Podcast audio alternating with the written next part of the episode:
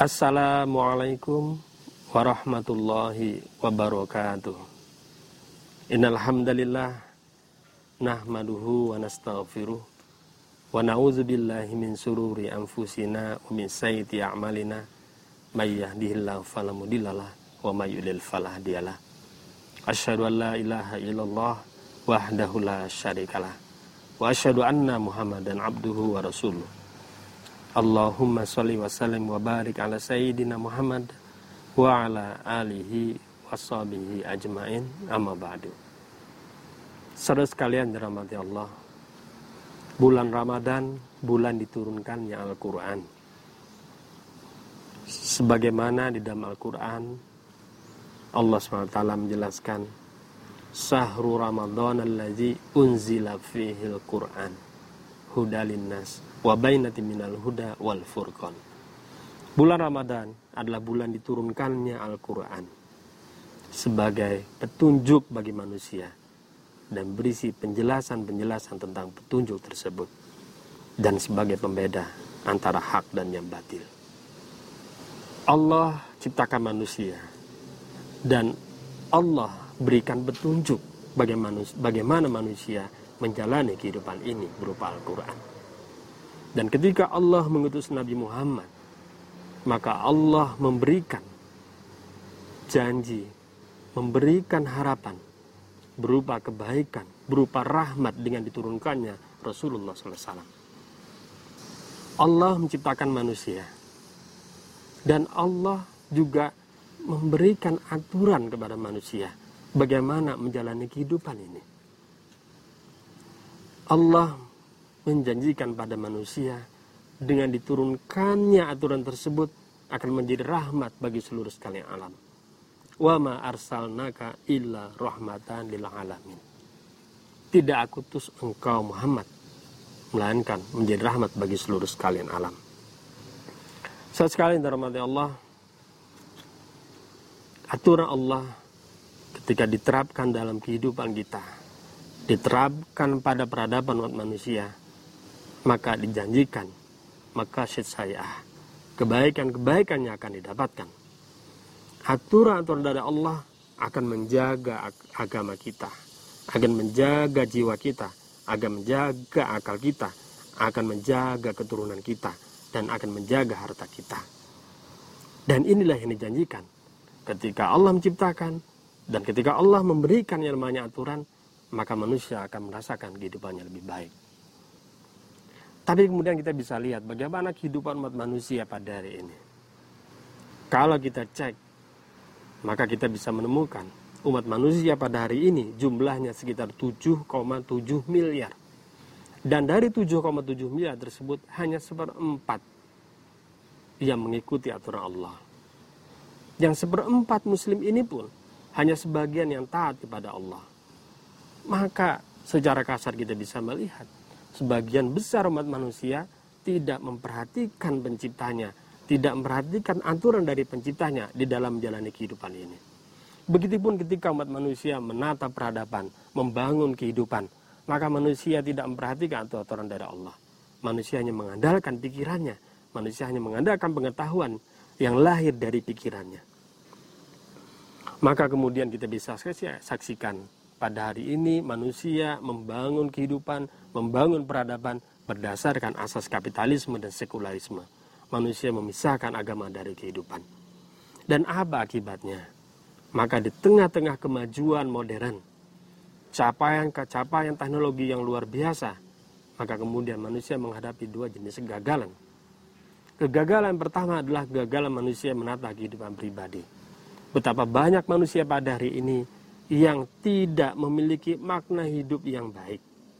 Mereka tidak memiliki kejelasan makna dalam hidup. Meaningless life. Hidup tanpa makna. Bagi mereka kehidupan itu hanyalah untuk mengejar yang namanya kesuksesan.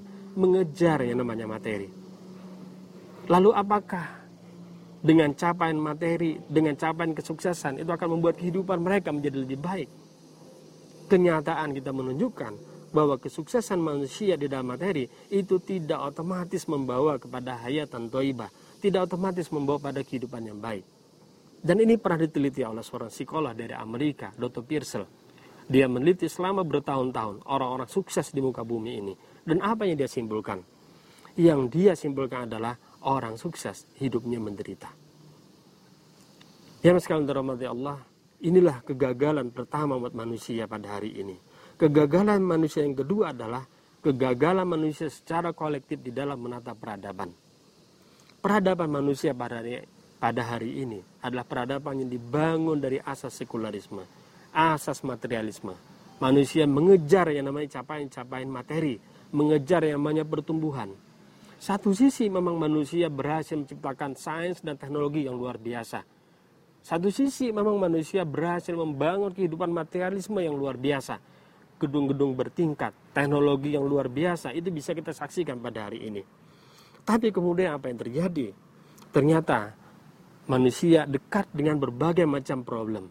Dari krisis ekonomi, ketimpangan ekonomi, krisis finansial, kemiskinan, krisis sosial, krisis politik, politik yang berpihak hanya kepada pemilik modal, krisis lingkungan, dan banyak lagi masalah-masalah yang lain yang dihadapi oleh umat manusia. Dan pada hari ini kita bisa saksikan betapa peradaban yang dibangun dari pikiran manusia ansih. Ini menunjukkan peradaban yang rapuh.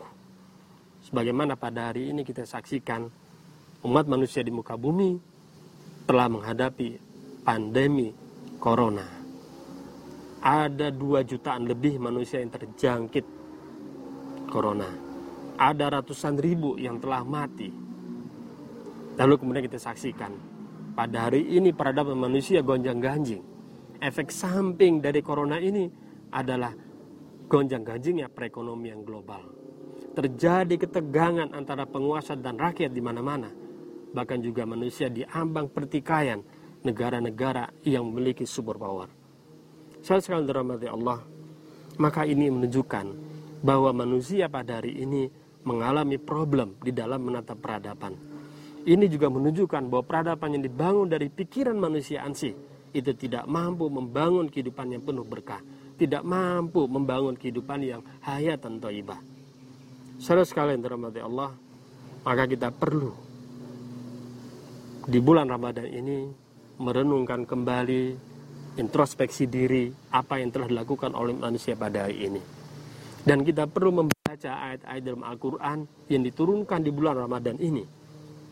Dan kita akan menyaksikan betapa Allah akan menjanjikan kehidupan yang baik ketika kita menjalankan Islam dalam kehidupan kita.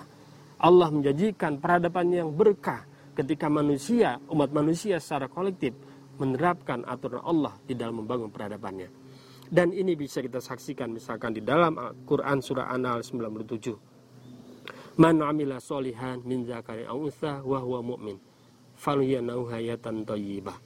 Barang siapa yang mengerjakan amal soleh, laki-laki maupun perempuan dan dalam keadaan beriman kepada Allah, maka sesungguhnya kami akan berikan kepadanya hayatan thayyibah. Dan ketika manusia menatap peradaban dengan aturan Allah, maka Allah menjanjikan keberkahan dari langit dan bumi. Sebagaimana yang kita saksikan dalam Quran surah Al-Arab ayat 96. Walau anna ahlal qura amanu wa taqaw fatahna alaihim barakati minas sama'i wal ar. Kalau sekiranya penduduk negeri-negeri beriman dan bertakwa, maka pastilah akan kami limpahkan kepada mereka berkah dari langit dan bumi. Saudara sekalian dirahmati Allah, maka di sinilah tugas kita. Corona yang kita alami pada hari ini, bulan Ramadan, bulan turunkannya Al-Quran, bulan yang mulia, maka marilah kita jadikan kesempatan pada hari ini untuk introspeksi diri, untuk mengingat kembali tujuan kita di muka bumi ini. Peranan dari umat Islam sebagai khairu ummah, umat yang terbaik. Marilah kita bangun kehidupan, marilah kita bangun peradaban dengan mengharmonikan pengetahuan ilmiah dan aturan-aturan ilahiyah. Maka semoga insya Allah di masa-masa yang akan datang manusia tidak hanya mendapatkan kehidupan yang penuh berkah, tidak hanya mendapatkan hayat dan taibah, tetapi juga mendapatkan keberkahan dari Allah SWT. Assalamualaikum warahmatullahi wabarakatuh. La ilaha illallah Muhammadun Rasulullah